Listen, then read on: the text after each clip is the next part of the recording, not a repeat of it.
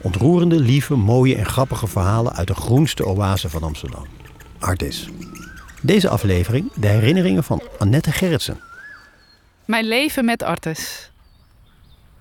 Als ik uh, bij mijn ouders naar binnen stap in Ilpendam, dan hangt er in de gang hangen er, uh, een heel aantal foto's. Waaronder eentje uit 1988. Uh, die is genomen in Artes. Daar sta ik met mijn broertje en mijn zus.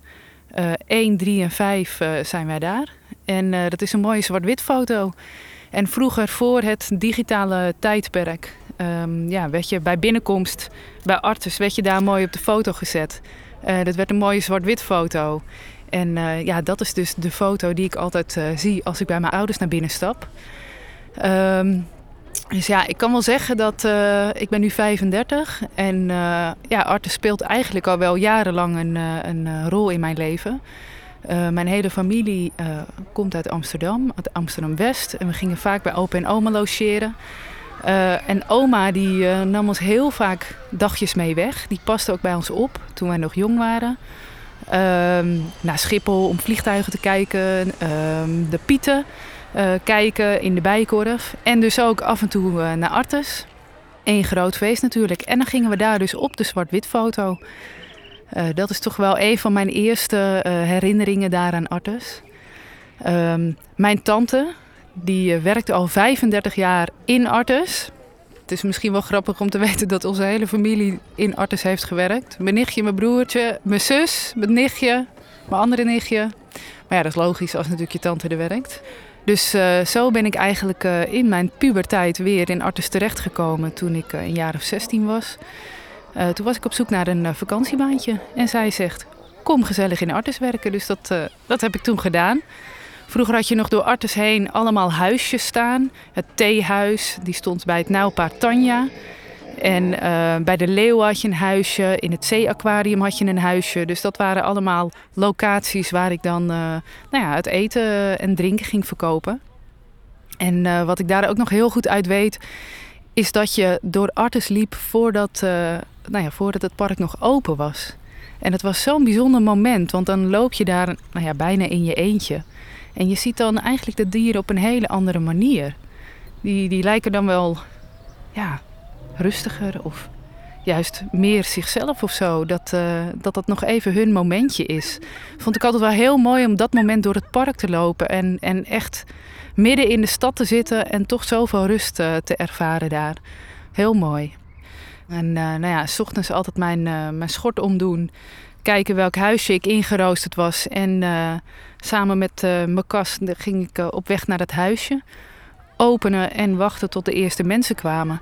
En wat daar vooral heel erg leuk aan, aan was, is dat mensen echt een dagje uit zijn. Iedereen die daar was, die was ontzettend vrolijk en die had er helemaal zin in. En ja, er gebeurt ook wel altijd iets als je bij de dieren staat natuurlijk.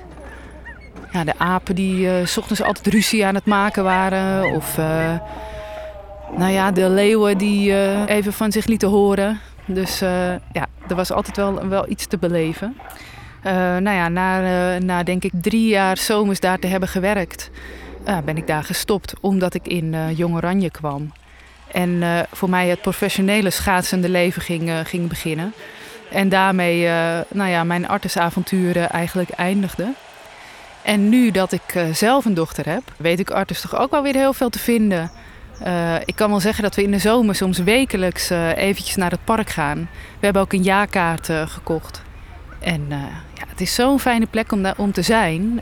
Um, zij kan hier gewoon vrij rondrennen. Nou, dat is toch best wel uniek in, in een stad als Amsterdam.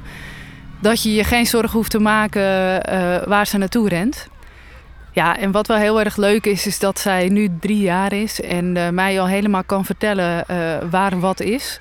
Ze heeft ook een duidelijke voorkeur waar ze heen wil. De krokodillen en de gorilla's natuurlijk.